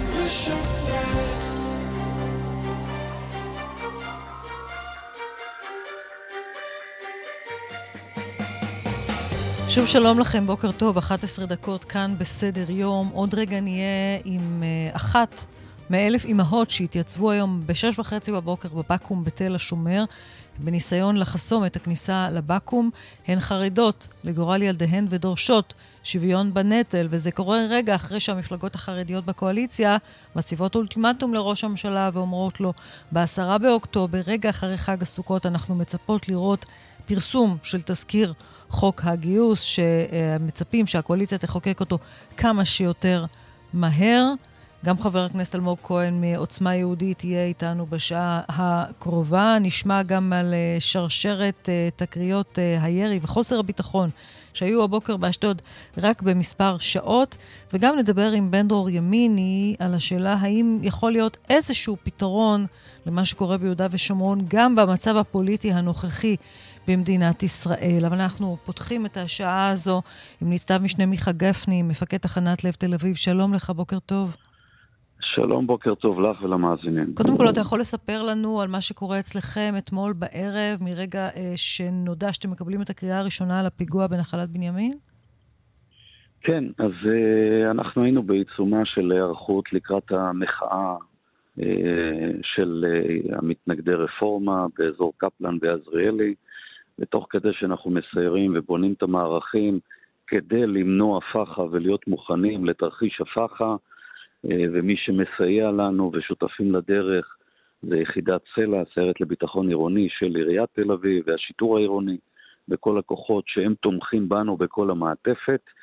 אה, סמוך לשעה רבע לשבע אה, התקבלה קריאה לשמיעת יריות ברחוב מונטיפיורי בתל אביב. התחלנו לנוע לשם כל הכוחות, תוך כדי גם שמענו דיווח שיש אה, פצוע, אה, סייר העירוני של אה, תל אביב ומחבל מנוטרל. הגענו למקום במהירות, סגרנו את הזירה, והמחזה היה מחזה קשה, לראות שם את הסייר שוכב פצוע ומבצעים בו מיד שם פעולות טיפול להצלת חיים. המחבל היה שם גם שרוע, פצוע ירי, עדיין הוא זז, אה, השוטרים מיד אה, הגיעו לשם, סייעו ועזבו אותו. תחקור ראשוני של סייר יחידת סלע, הבנו שמדובר בחשוד אחד, כי זה אחד האתגרים והחששות שהיה לנו שיש מחבל נוסף, אז הבנו שהיה אחד שהם תוך כדי הסיור שלהם, של צמד האופנוענים, אה, זיהו חשוד שאיכשהו נקלט במבט שלהם, הוא הסיט מבט והתחיל לנוע אה, בהליכה מהירה, שהמקום עצמו הוא מקום הומה אדם, אנחנו מדברים על אה, אזור מונטיפיורי, פינת נחלת בנימין, אזור שהוא מוקד בילוי בין המרכזיים בעיר תל אביב, והמון מבלים נמצאים שם, והמקום שבו נתקלו במחבל הוא ממש עשרה מטרים מפאב, מסעדה שישבו בו אנשים באותה עת, וללא ספק אה, בפעילות, בחתירה למגע, בערנות של צמד סיירי הביטחון האלה של עיריית תל אביב, נמנע אסון כבד. אה, המחבל הזה, אם הוא הגיע עם אקדח והיה שם, הוא לא בא כדי לטייל, הוא בא אה, לפגע להערכתי, למרות שהנושא הזה בחקירה עדיין של השב"כ. אבל אני מבינה שהיה גם, מכתב על גופו, שהוא אמר שהוא בא להקריב את עצמו, נכון? גם מהממצאים שעלו, ומהיכרות מוקדמת, אז uh, הבחור הזה, אה, היה מוכר, החשוד המחבל היה מוכר אה, וידוע עליו שיש לו כוונות לבצע פיגוע. היו פעולות לאיתור שלו, אה, אם זה באמצעות השב"כ ויחידות נוספות, ואנחנו כמשטרה, גם בלב תל אביב וגם בשאר מקומות הארץ, אנחנו עוסקים בפעילות מניעה של כניסה של פלסטינים ללא אישורים לארץ. אנחנו כל יום מבצעים פעילות כזו בשגרה ומגרשים לא מעט חשודים שנכנסו אה, ללא אישורים, גם בתיאום עם השב"כ, אה, וגם באירועים גדולים, אם זה אירועי סדר כמו מחאות, תהלוכות שבלב תל אביב יש את זה בשגרה, אה, לצד אירועי ספורט, תרבות והמשך שגרת החיים והמוקדי כן. בילוי, שלנו זה חשוב להמשיך את מרקם החיים, שגרת החיים. כן, כן, אני ראיתי ולא... אתמול ש, שמהר מאוד המשטרה יצאה בהודעה שאפשר לקיים את המחאה בקפלן. כן, אנחנו לא עצרנו את, ה, את האירוע של המחאה. כי הבנו מתוך תחקור שהבחור הזה היה לבד ושהוא נוטרל. כמובן שהגיעו עשרות אם לא מאות לוחמים שהקפיצו מכל המקומות בארץ כדי לתגבר את מערכי הביטחון שוטף, נוכחות ובולטות של שוטרים במתחמי הבילוי, וכמובן לחזק את המערכים. הבאתם עוד, הבאתם עוד שוטרים מ... לתל אביב אתמול? יותר מאשר מה שיש שם בדרך כלל במוצאי שבת? הגיעו, הגיעו עוד שוטרים, גם במחאה אנחנו מקבלים תגבורים ברמה ארצית. של יחידות מג"ב, יחידות יסמ"ג, אה, שמסייעים לנו בנושא הזה של הפח"א ושל שמירה על הסדר הציבורי, כן. אבל לצד זה, בעקבות האירוע הזה, כדי לשמור על מרקם חיים ושגרת חיים, שזה החוסן הלאומי שלנו, שאנשים יכולים להמשיך לצאת ולקיים את השגרה שלהם למרות האירועים האלה, ולצערי, אה, לא נראה לי שהאירועים האלה ייפסקו, כי אנחנו רואים שכל כמה זמן יש פלסטינים ללא אישורים נמצאים גם בתל אביב ובעוד מקומות. לא כולם, כמו שאנחנו רואים, באים לפגע, רובם באים לעבוד, להתפרנס, ואנחנו שומרים על המרקם הזה, אבל מצד שני אנחנו חייבים לשמור תמיד על ערנות ומוכנות. כדי לסכל אירוע כזה שאנחנו יודעים שהולך לקרות. אז זה מה שאני רוצה לשאול אותך. והיה וקרה, שנוכל כן. להגיב גם מהר כדי אה, שלא יחמיר ולסכל את האירוע כמה שיותר. כן, אתה אומר שהיו התראות לגבי, לגבי המחבל הספציפי הזה, והיו אה, ניסיונות למצוא אותו כדי שהוא לא יגיע לשטח ישראל. אתה יודע כבר איך הוא בכל זאת הצליח להגיע מג'נין לתל אביב? לא, אני לא יודע, האירוע הזה בחקירה, ייקח זמן, אני מאמין, עד שידעו ונדע להבין איך הוא הגיע, אבל אנחנו לא, אני יכול להגיד לך כמפקד משטרתי, איך הוא חדר פחות מדאיג. אני יכול להגיד לך שבכל רגע נתון יש לנו עשרות, אם לא מאות, פלסטינים ללא אישורים. הם עוברים בפרצות שבגדר, הם נכנסים כן, אבל הוא עבר גם עם, עם נשק. אישורים, נכנס עם נשק נכנסים, כנראה. תראי, נשקים, לא צריך להביא מג'נין נשק לתל אביב. נשקים, להיות, יש פה כן. גם אה, נשקים לא חוקיים כן. אה, במגזר וגם אה, כן. אצל אחרים, גורמים עבריינים, ומי שרוצה להגיע לנשק, הוא יוכל להגיע לנשק. כן. ומי שרוצה לפגע, והוא המפגע הבודד, והוא לא כחלק מהתארגנות שנוכל לדעת ולהכיר את זה ברמה מודיעינית או אחרת, אז uh, יכול uh, לקום אחד כזה ולהחליט שהוא עושה פיגוע. אני רוצה רגע לשאול אותך לגבי העתיד. קודם כל, האם אחרי ה... אתמול הבנתי שלא הייתה לכם התראה ספציפית לפיגוע בתל אביב, שיש כל הזמן התראות לפיגועים ברחבי הארץ, עשרות התראות. כך אומר אה, אלי לוי, דובר המשטרה, אבל לא היו התראות בתל אביב. החל מאתמול יש יותר התראות לאפשרות של פיגועים באזור המרכז, באזור תל אביב. אתם נערכים בכוננות גבוהה אפילו יותר ממה שהייתם? קודם כל, בעקבות הפיגוע, עד שאנחנו יכולים לראות שיש איזו שליטה או רגיעה גם בהקשר של ההתראות, אנחנו תמיד כמשטרה מחזקים את המערכים אה, בכל הארץ, ברגע שאין לנו משהו ממוקד. תל אביב אה, היא לא הייתה עיר מאוימת או שהיה לנו התראה קונקרטית לגביה או לגבי מקום אחר בארץ. יש התראות כלליות שיש בכוונה של אה, חשודי פח"ע להגיע ולבצע פיגוע, לא יודעים מתווה, לא יודעים זמן, ולכן אנחנו נערכים גם כדי להגיב בזמן, גם כדי לחזק את uh, תחושת הביטחון ונוכחות uh, uh, של שוטרים uh, בשטח, והערכות מצב ברמה יומית שאנחנו עושים, גם עם שב"כ, גם עם גורמי מודיעין שלנו, כדי שנוכל להגיב. זה הנחת מוצא שמחבלים ירצו לבצע פיגועים, כן. ואנחנו רואים את הסכסוך המתמשך. אנחנו לא צריכים מידע קונקרטי לגבי X או Y. כן. אנחנו צריכים להיות מוכנים כל הזמן. כן. אז אני מבינה שכך זה יהיה גם בעתיד. אין העלאת כוננות, אתם גם ככה בכוננות שיא, בוודאי במוצאי שבת בהפגנות הגדולות. אני מאוד מודה לך, ניצב משנה מיכה גפני, מפקד תחנת לב תל אביב. תודה רבה לך. תודה, ובהזדמנות הזו אני גם רוצה להביע צער והשתתפות שלנו כתחנת המשטרה עם משפחתו של חן אמיר ועם יחידת סלע, היחידה שלו שפועלת לצידנו יד ביד לאורך כל השנה מול האתגרים האלה. ושנדע בשורות טובות בעתיד. כן, אנחנו מצטרפים לתנחומים. אני מודה לך, ניצב משנה גפני. תודה רבה. תודה.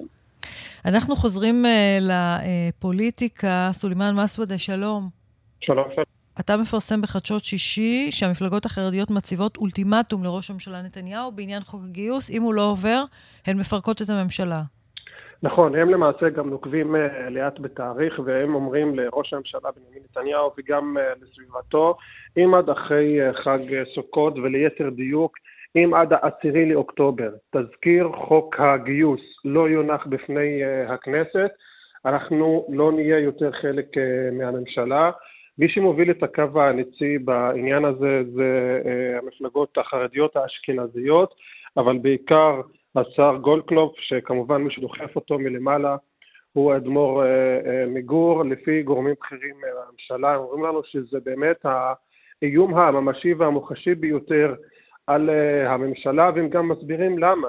הם אומרים שמבחינת החרדים, הם נכנסו לממשלה אך ורק, או בין היתר, או בעיקר, נהיה יותר מדויקים, בגלל חוק הגיוס, לא בגלל הרפורמה אה, המשפטית, לא, בטח לא בגלל אה, חוק צמצום עילת הסבירות, והם אומרים בשיחות סגורות שנמאס להם ממה שקורה בתוך הקואליציה, והם רוצים לקדם את החוקים שלשמם הם הגיעו אה, לכנסת, אבל בראש ובראשונה לאט הם רוצים כבר לפתור אחת ולתמיד את סוגיית הגיוס. הם רוצים חוק גיוס, הם רוצים חוק גיוס אה, קבוע, לא זה שאחד ייפסל בבג"ץ, ולא זה שיהיה זמני לשנה, שנתיים, או אפילו לעשר אה, שנים. כן. משרדי הממשלה העיקריים מושקעים בזה, משרד ראש הממשלה, משרד האוצר, משרד הביטחון, אפילו אה, גם שר הביטחון ושר האוצר. אבל סולימאן, לאיזה, מת, לאיזה, לאיזה מתווה זה הולך? מה זה אומר מבחינת גיוס חרדים? תראי, בין, uh, להבנתי, uh, גיל הפטור המדובר uh, כרגע זה בין, זה או 21 או 22, יש פה חילוקי דעות בין האוצר לביטחון בעניין הזה, אבל יש גם דרישה של שר הביטחון גלנט ושל משרד הביטחון, שאם מאשרים חוק גיוס, או כמו שאחרים קוראים לו חוק אי גיוס, במתווה כזה, אז גם משרתים, לוחמים, צריכים לקבל uh, uh, תוספת uh, משמעותית, כן. תקציב משמעותי. הם מדברים במצטבר לחמש שנים מספר, מספר של שישה מיליארד שקלים, כן. האוצר מוכן לתת רק מאות uh, מיליונים, ושם uh, uh, זה נתקע, אבל מבחינת החרדים, תזכיר חוק עד העשירי לעשירי, וחוק קבוע, לא זה שייפסל בבג"ץ. כן. תודה רבה. תודה רבה, סולימאן. תודה. יש לנו כאן uh, תגובה של השר לביטחון לאומי אה, איתמר בן גביר בתגובה על האירוע בבורקה. אנחנו ממש עוד uh, מספר דקות נהיה עם חבר המפלגה שלו, חבר הכנסת אלמוג כהן מעוצמה יהודית, אבל בואו נביא כבר את התגובה של איתמר בן גביר. נזכיר, זה השר שממונה על המשטרה. המדיניות שלי ברורה, מי שמגן על עצמו מזריקת אבנים צריך לקבל צל"ש. אני מצפה מהממ"ז שי ניצב עוזי לוי לקדם את החקירה במהירות ולבצע חקירה מקיפה גם של כל הפורעים הערבים שזרקו אבנים וניסו לרצוח יהודים. תכף יהיה איתנו אלמוג כהן, אבל קודם לכן אני רוצה לומר שלום לעורכת הדין איילת השחר סיידוף, מייסדת ומובילת התנועה אימהות בחזית. שלום איילת. שלום, שלום, מה העניינים? בסדר, ספרי לנו כמה אימהות הגיעו הבוקר לבקו"ם בתל השומר. אני חושבת שהיינו בערך כאלף, היינו כמה מאות טובות, לא יודעת, משהו כמו אלף, אלף פלוס. חסמנו את הבקו"ם לגמרי, חסמנו את הכניסות, חסמנו את הצמתים. הייתה נוכחות מאוד מאוד מרשימה. התעוררות מאוד מאוד יפה, אימהות כבר לא שותקות, הן זוהמות על כל מה שקורה. אה, וזו רק התחלה, אם לא יתייחסו אלינו ולא ידברו איתנו וימשיכו באותה דהירה כאילו אנחנו לא קיימות, אז uh, יצפו לעוד כל מיני דברים, ואני מקווה שמישהו יתעשת שם בממשלה ויכניס את האימהות לחדר ויקשיב מה יש להם להגיד. ואם תיכנסי, לח... ואם תיכנסי לחדר, מה תגידי? אני אעביר את המסר החד והברור שאומר שאנחנו רוצות שהילדים שלנו יהיו שווים בפני החוק. כל הילדים יהיו שווים בפני החוק. אנחנו לא נתינים ולא נשלח ילדים לצבא שמתייחס אליהם כאל חיילים שימושיים בעוד ביד אחת הוא מגייס אחד ובשנייה פותר את האחר ונגמר הסיפור הזה. אנחנו לא מוכנות, התעוררנו, אנחנו לא האימהות שלנו ששיתפו פעולה עם הנרטיב השקרי הזה, אנחנו גם רואות מה קורה היום במדינה. אנחנו לא סומכות, לא סומכות על ראש ממשלה שלא נפגש עם רמטכ"ל ומפטר שר ביטחון, לא סומכות על האמירות שיוצאות מצה"ל והן אמירות שקריות. אנחנו רואות מה קורות לילדים שלנו. ניכנס לחדר ונודיע. אם אתם רוצים את שיתוף הפעולה של האימהות, המחנה הליברל-דמוקרטי, שכל השנים האלו חינכו את הילדים לאהבת המולדת, לערבות הדדית, ובגלל זה הילדים שלנו מתגייסים. הדבר הזה, יש לו, מה שנקרא, תנאים. נגמר, נגמר הסיפור של המשחקים שלנו. את יודעת, אבל זה כנראה לפי הדיווח של סלימאן מסוודה, והלחץ של המפלגות החרדיות הולך בדיוק לכיוון כן, ההפוך, מהכיוון שאת מדברת עליו עכשיו. יש להם המון כוח עכשיו. אין להם, יש להם כוח פוליטי נקודתי מקרי. המפלגות החרדיות מונות בקושי חצי מיליון נשים בכל ביחד.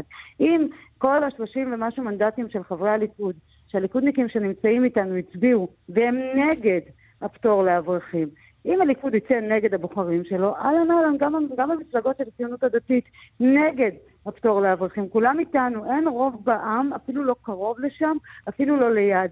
אז אם הדברים עברו עד עכשיו בענייני הרפורמה וכל הסבירות וכאלו עבר חלק, אני חושבת שההתנגדות שתהיה פה תהיה גדולה. אני יודעת מהאמהות שמסתובבות איתנו, אנחנו שלושה חודשים בשטח, כל חשיפה הכי קטנה, יש לי אלפי אמהות שמצטרפות, אנחנו בשבוע וקצת הגדלנו ב-6,000 אמהות, אנחנו 12,000 אמהות כרגע, זה רק עניין של חשיפה, המדינה בוערת, האמהות החרדות לא ישנות בלילה ומרגישות פעם ראשונה שהחיילים מופקרים, לאף אחד לא אכפת. זה גם פעם ראשונה שסרבנים שולחים אנשים אה, אה, למלחמה. זה לא הגיוני, זה לא נתפס בהיגיון של רגע, רגע, תחזרי על המשפט האחרון שאמרת. שסרבנים ומשתמטים יושבים בקבינט, והם אלו שיכריעו על הגורל של הילדים שלי. הם אלו אותם 64 אצבעות שמצביעים על הגורל של הילדים שלנו. זה לא נתפס. אף אימא, ונגמרו לנו כבר, אנחנו כבר לא שותקות, ועברו הימים שנשים ישבו בשקט ו- ונתנו לדברים לקרות ונתנו לגברים לנהל את הסדר העניינים. אנחנו כאימהות לא נשתוק. גם לא נשלח קדימה. אם צריך, נשבש עוד. היום שיבשנו את הגיוסים בצה"ל. מה זאת אומרת שיבשתם?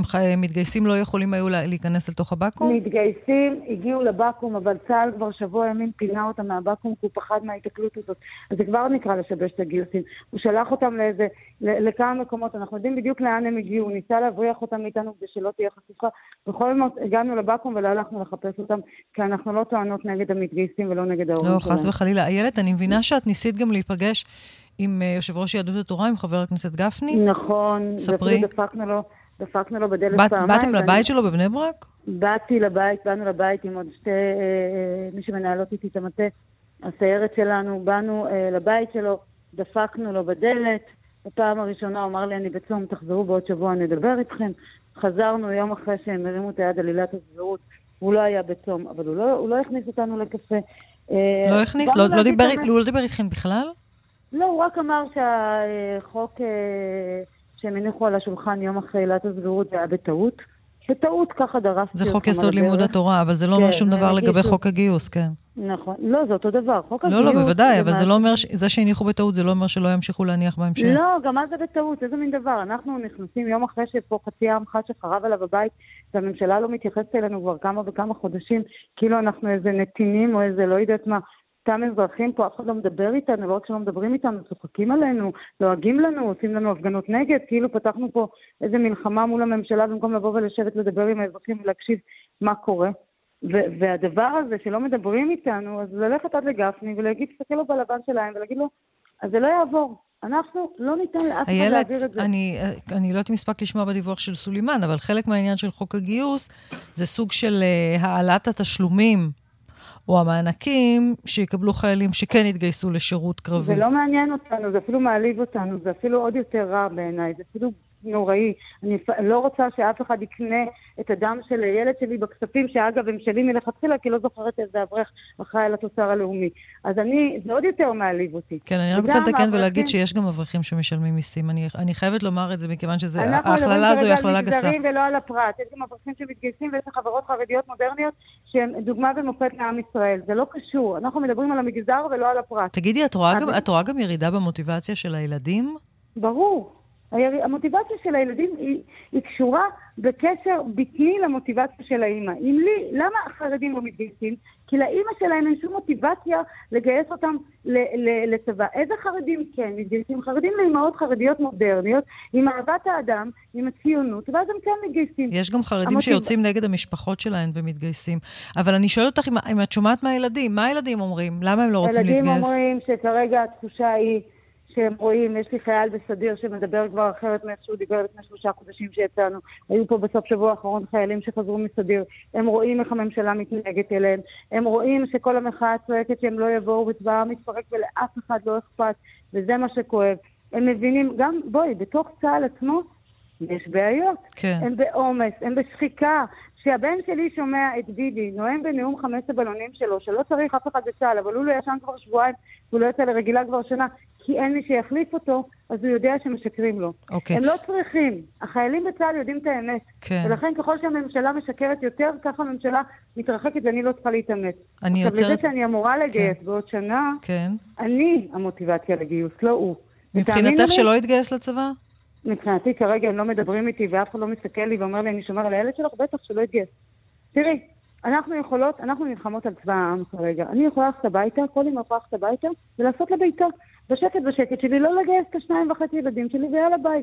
אבל אנחנו, ואז יום אחד תקומי בבוקר ותגלו ש-50% מהגיוסים ירדו, כי כל אחת עשתה לביתה.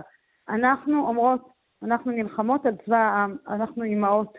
אני לא עכשיו אשוטט שנים בדרכים, אני אין לי את העניין הזה. אוקיי. אם המדינה לא מתכוונת לתקשר איתנו בזמן הקרוב, ולתת את מה שצריך ולהבין שלא יהיה, לא יהיה פטור גורף לאברכים, זה לא יקרה, כי אז כי גם ככה הפסדנו. אז כל אחד ילך לביתו ולא יגייס את הילדים שלו. אנחנו נעצור כאן. אנחנו נעצור כאן. אני מודה לך על הדברים האלה. עורכת הדין איילת השחר סיידוף, תודה אני רבה. אני ממש ממש מודה גם לך. תודה, תודה, תודה רבה. תודה רבה גם טוב. לכן, תודה רבה. ביי. אנחנו יוצאים להפסקה קצרה. עוד מעט יהיה איתנו חבר הכנסת אלמוג כהן מעוצמה יהודית.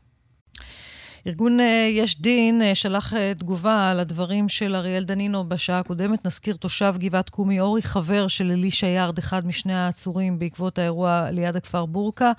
וכך הם אומרים שם, אריאל דנינו מדברר נרטיב המיתמם והמהונדס של חבורות הפורעים. זו לא הפעם הראשונה שמגיעים מיוזמתם לפאתי כפר בערב שישי לאדמות פרטיות של פלסטינים בטענה של ראיית צאן. מתחילת השנה היו כ-580 אירועי אלימות מתנחלים בגדה. מאחזי הרועים בשטחים משתמשים בראיית צאן כדי להשתלט על אדמות פלסטיניות. זו מטרתם המוצהרת. מדובר בשיטה קבועה שכוללת התעמרות שיטתית בכפרים השכנים. כאשר הפלסטינים מבקשים להגן על עצמם, דמם הופך מותר, לא רק על ידי מתנחלים, אלא גם על ידי הצבא, שמגן באורח קבוע על ידי המתנחלים. זאת תגובת אה, אנשי יש דין, וכעת מצטרף אליי חבר הכנסת אה, אלמוג כהן מעוצמה יהודית. שלום לך. שלום לך ולכל המאזינים, בוקר טוב. אני תכף אבקש ברשותך התייחסות לדברים האלה, אבל אולי קודם לכן התייחסות לתגובה שמוציא ראש המפלגה שלך, השר לביטחון לאומי איתמר בן גביר. נזכיר, השר שממונה על המשטרה. מיד מיד אנחנו נביא את התגובה שלו. והוא בעצם, תקן אותי אם אני טועה, חבר הכנסת אה, אלמוג כהן, מנחה את ממ"ז שי לנקוט סוג של עמדה בעניין הזה. אני רק מקריאה את התגובה. אה, אני, המדיניות, אני... אני רק אקריא את התגובה ברשותך. אוקיי.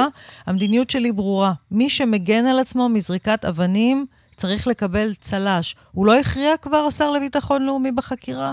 אני מצפה מממ"ז שי ניצב עוזי לוי לקדם את החקירה במהירות ולבצע חקירה מקיפה גם של כל הפורעים הערבים שזרקו אבנים וניסו לרצוח יהודים. אז אה, אולי לא צריך ש... חקירה כבר. לא, ברשותך, זה, זה, זה לא, צריך להעמיד את הדברים על דיוקם. בסופו של דבר, על כך שהיו שם זריקות אבנים, ועל כך שאחד מהאנשים, אני לא, לא בקיא כל כך בפרטים, כן, אבל זה מה שאני כן מכיר, אה, כי יש לו שברים בגולגולת וממש פתחו לו את כל הראש מעל העיניים, אה, על זה אין עוררין. ואם יש כאן עניין של הגנה עצמית, זו הגנה עצמית. זה שהם אה, תושבי יו"ש לא מונע מהם את הזכות הבסיסית להגנה עצמית, שזה למעשה אה, זכותו הבסיסית של כל אדם. כן, אבל אני מנסה... וזה מה שהשר מבקש, ובהמשך הוא מבקש לפתוח בחקירה. אני חושב שזה דבר מאוד לגיטימי, מפני שאני צורך תקשורת בשבת. אני לא אדם דתי. Mm-hmm. ואתמול עד צאת השבת ליאת, הייתי בטוח שמדובר באירוע מאוד חמור, באמת. הייתי בטוח שמדובר באירוע שהוא פה, מה שנקרא, חוצה קו אדום. מבחינת מי? השבת, מבחינת מי חוצה קו אדום? מבחינת, אה, מבחינת אה, אותם אנשים ש... שוב, אותו נרטיב תקשורתי שצרכתי במהלך השבת, שדיבר על זה שמישהו פשוט ירה באדם אחר.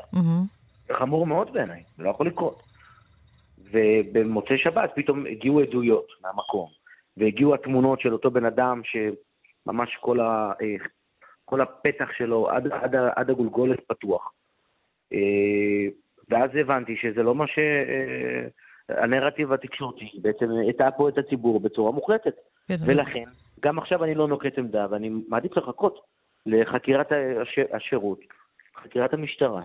ומשם נוכל להיות יותר חכמים, מה שנקרא. כן, אבל אני מנסה להבין איזה חקירה המשטרה אמורה לנהל כשהיא מקבלת, תוך כדי התחלת החקירה, הודעה כזו ממי שממונה עליה, השר לביטחון לאומי. הוא אומר פה, המדיניות שלי ברורה, מי שמגן על עצמו מזריקת אבנים צריך לקבל צל"ש. הוא לא אומר בדיוק רגע, מי שנייה, צדק ומי לא צדק באירוע הזה? ברשותך, בואי נחלק. את מסכימה עם השר שמי שמגן על עצמו מזריקת אבנים, הוא מגן על עצמו וראוי לקבל צל"ש? את לא חולקת על זה הרי. תשמע, בנסיבות, אבל בנסיבות האלה ידוע מי זרק אבנים. וידוע מי חטף את האבנים. אז, אז בעצם אומר השר, מי שהגן על עצמו קיבל צל"ש. כאילו, זה, זה די ברור מאליו שהשר כבר מכריע. לא, ש, לא ש, חושב, שהיורים הגנו על עצמם מזריקת אבנים, ולכן הם צריכים לקבל צל"ש. לא, לכן הוא קורא לחקירה, וגם אני מוכרח להעמיד את הדברים על דיוקם. מי שחוקר את האירוע הזה, זה לא משטרת ישראל, אלא שירות הביטחון הכללי. יחד עם המז שי, כמו שאני מבינה. השב"כ יחד עם המז שי. יכול להיות ש... אני לא יודע לומר, לא נכנסתי לפרטים, יכול להיות שיש חקירה משותפת, אבל בואי תסמכי על חוקרי משטרת ישראל אה, שהם מספיק מקצוענים כדי להגיע לחקר האמת, כי בסוף הרי זה מה שכולנו רוצים. תגיד לי, פשוט... חבר הכנסת אלמוג כהן, אני יודעת שזה לא ניסוח שלך, אבל אתה חושב שזה ראוי שהשר הממונה על המשטרה יוציא הודעה בזמן שיש חקירה שרק החלה, חקירה סופר רגישה, והוא כותב כאן כך: צריך לבצע חקירה מקיפה גם של כל הפורעים הערבים שזרקו אבנים וניסו לרצוח יהודים? זה לא קביעה, הדבר הזה? להגיד לא, דבר לא כזה, ששר לא יגיד דבר כזה? ניסו לר... מאיפה הוא יודע שהם ניסו לרצוח יהודים? ברשותך, אה, ברשותך, אה, הוא רושם שם גם. כשהוא אומר שם גם, אז למעשה הוא לא קובע, הוא פשוט אומר שיש עוד צד. ויש עוד צד, כנראה, אגב, ממה שאני שמעתי, כן, אני לא, לא, שוב, אני לא נכנס לפרטי המקרה כי עוד לא ראינו את החקירה, אבל ממה שאני הבנתי, נורו שם זיקוקים בכינון ישיר, אה, נזרקו שם סלעים, הפצוע, אותו אחד שירה, הוא כרגע, הוא לא הגיע להארכת מעצרו, מפני שהוא שוכב במצב אה, קשה בבית החולים. ולכן אני אומר שבסוף אה, יש פה שני צדדים למטבע. ומי שצריך לחקור זה רשויות האכיפה. אוקיי, הדברים ברורים. לא, אוקיי, בסדר. אני רוצה ברשותך, חבר הכנסת כהן, אה, אה, להתקדם לנושא חוק הגיוס. אני לא יודעת אם הספקת לשמוע כאן את הדברים שאמרה איילת השחר, אבל זאת לא הנקודה. הנקודה היא שיש אולטימטום של המפלגות החרדיות לראש הממשלה אה, נתניהו להעביר מהר מאוד את עניין חוק הגיוס, אם לא הן מפרקות את הממשלה. אתה שירתת בצבא, נכון? 12 שנים. 12 כן. שנים שירתת בצבא. לא, אתה... לא בצבא, ביס"מ, ביחידה מיוחדת בתוך משטרת ישראל. אוקיי, בסדר גמור, אבל שירתת את מדינת ישראל. אתה מרגיש בנוח להצביע בעד חוק גיוס כזה, שיפתור חרדים מלמשרת בצה"ל? ראשית, אני לא יודע על מה אנחנו הולכים להצביע עדיין, מפני שאני לא מכיר מתווה. זה דבר ראשון. דבר שני, אני אה, מעולם לא קיבלתי אלינו, אליי לגיבוש מישהו שלא רצה להיות, ומהי כוונתי? בסוף, האני מאמין שלי, כמי ששירת את מדינת ישראל במרבית חייו הבוגרים, כמעט 50% מחייו הבוגרים, לא יותר, אה, אני אומר בצורה מאוד ברורה, בסוף הרצון לגייס את החרדים הוא חשוב. אני מזהה בתקופה האחרונה אה, עלייה ניכרת בגיוס חרדים. שזה חשוב בעיניי, אבל גם האמת צריכה להיאמר. הצבא לא צריך את החרדים. הצבא לא רוצה לגייס את החרדים. הצבא לא יכול להכיל את כמות החרדים שהתגייסו. לכן מה שצריך לעשות זה ליצור מתווה, שהוא מתווה נוח לכל הצדדים, לכל הצדדים, מפני שבסוף אה, אה, יש פה איזשהו רצון ליצור שוויון, אבל אם המערכת לא יכולה להכיל את הכמות, אז מה הועילו חכמים בתקנתם?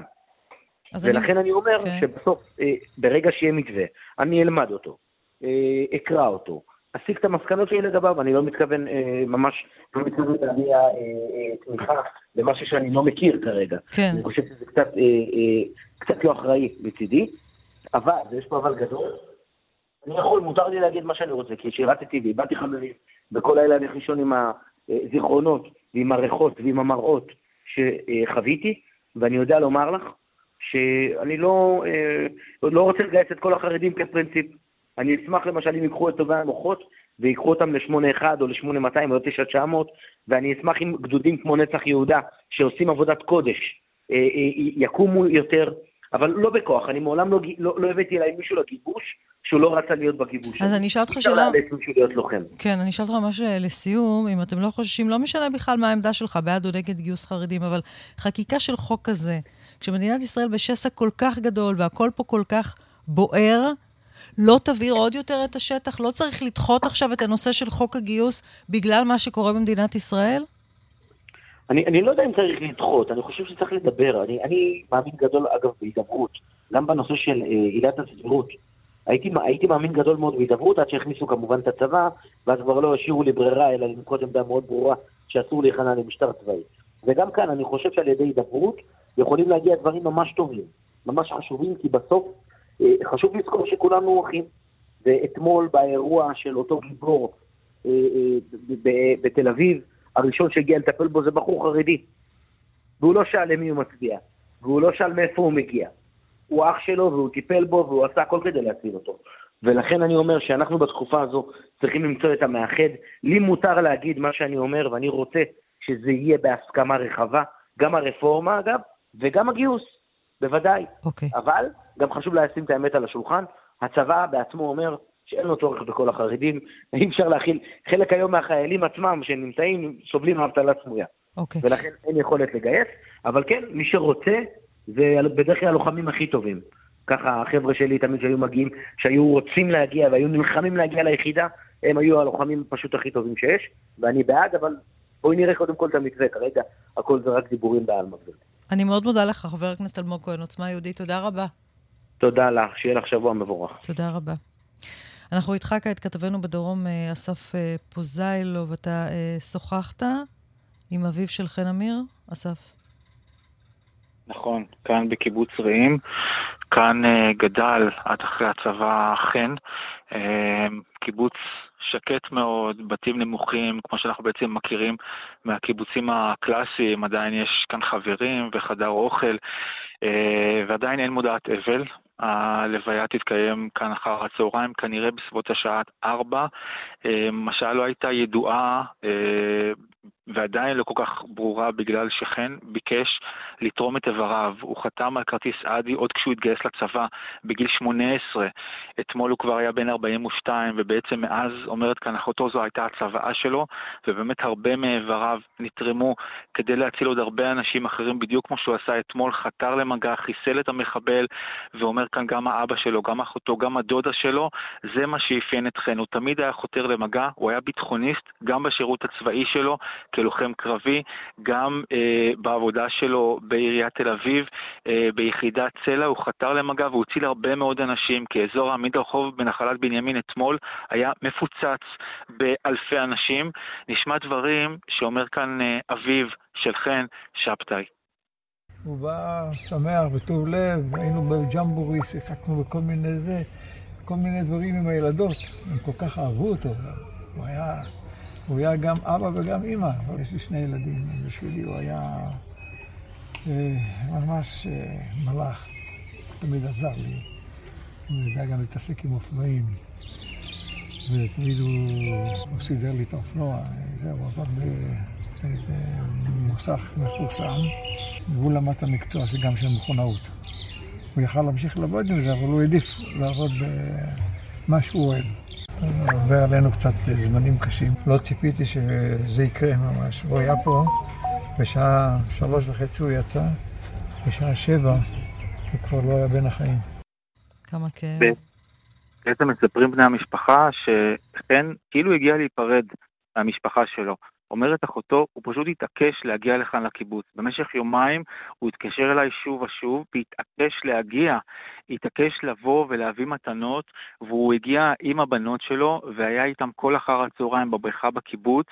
אמ, גם האבא, גם האחות אמרו, זה פשוט כאילו שהוא הגיע אה, להיפרד אה, כן, מאיתנו. כן, עצוב מאוד. אסף, אנחנו רוצים עוד להספיק ברשותך.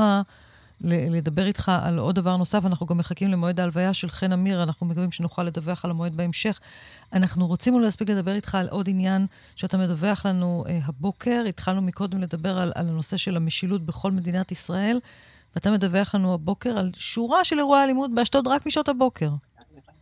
נכון, אה, שורה של אה, מספר אה, ממש בלתי נתפס של אירועי אלימות, של אירועים פליליים, פיגועים פליליים. היום באשדוד, בתוך שעתיים, שלושה אירועים כאלה.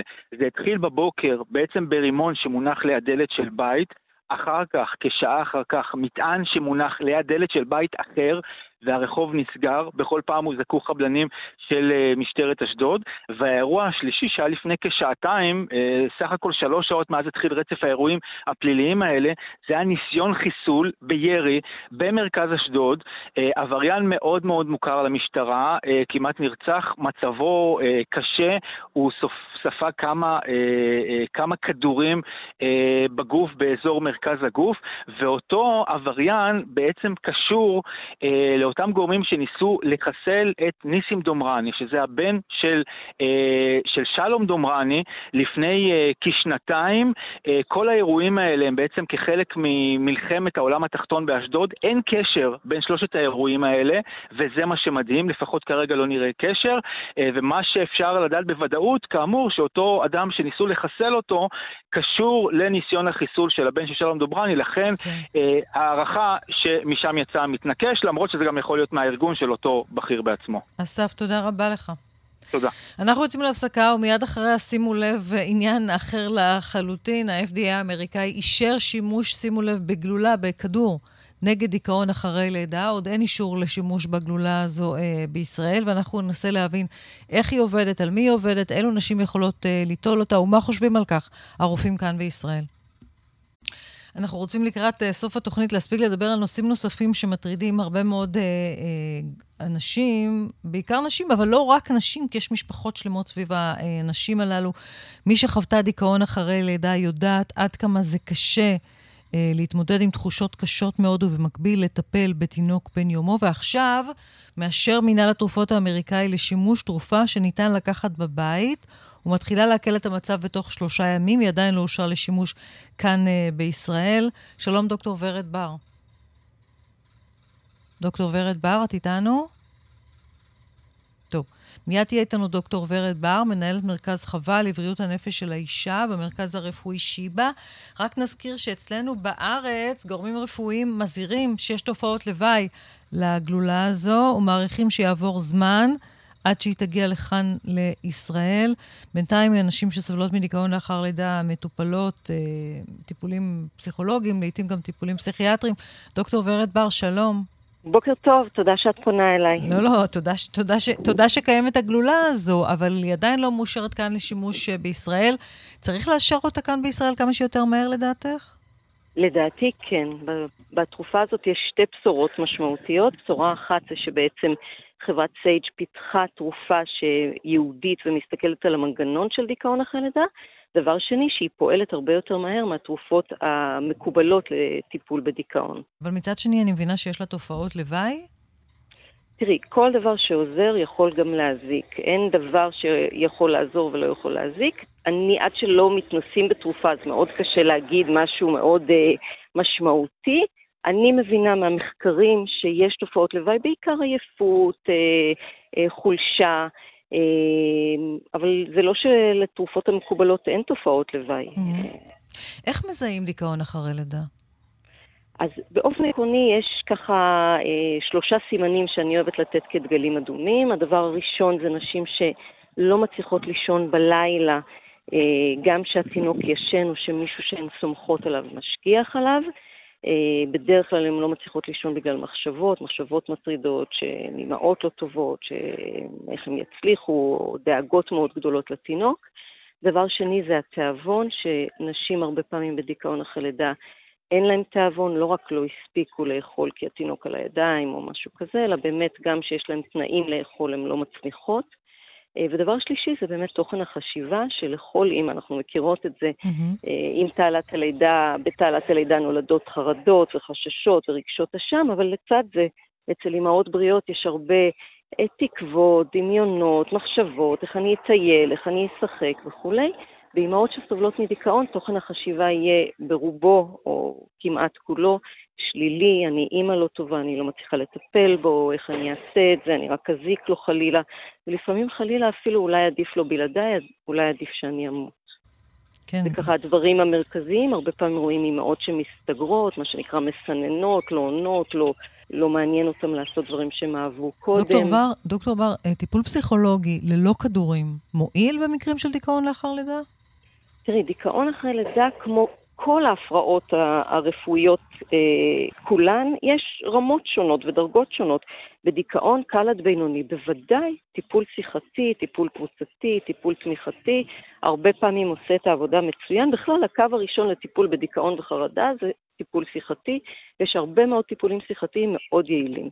בדיכאון קשה וחריף, כשאישה כבר לא מצליחה לישון בלילה, לא אוכלת, הראש כל הזמן מה שנקרא פול גז בניוטרל במחשבות קשות, אז הרבה פעמים מאוד מאוד קשה לאישה להשתמש בטיפול שיחתי, כי הראש לא פנוי. Mm-hmm. במקרים האלו מאוד מאוד כדאי לתת גם טיפול תרופתי שמוריד את התסמינים הפסיכיאטריים, את הפרעות השינה, את הקושי בתיאבון, את המחשבות החודרניות שמקשות עליה.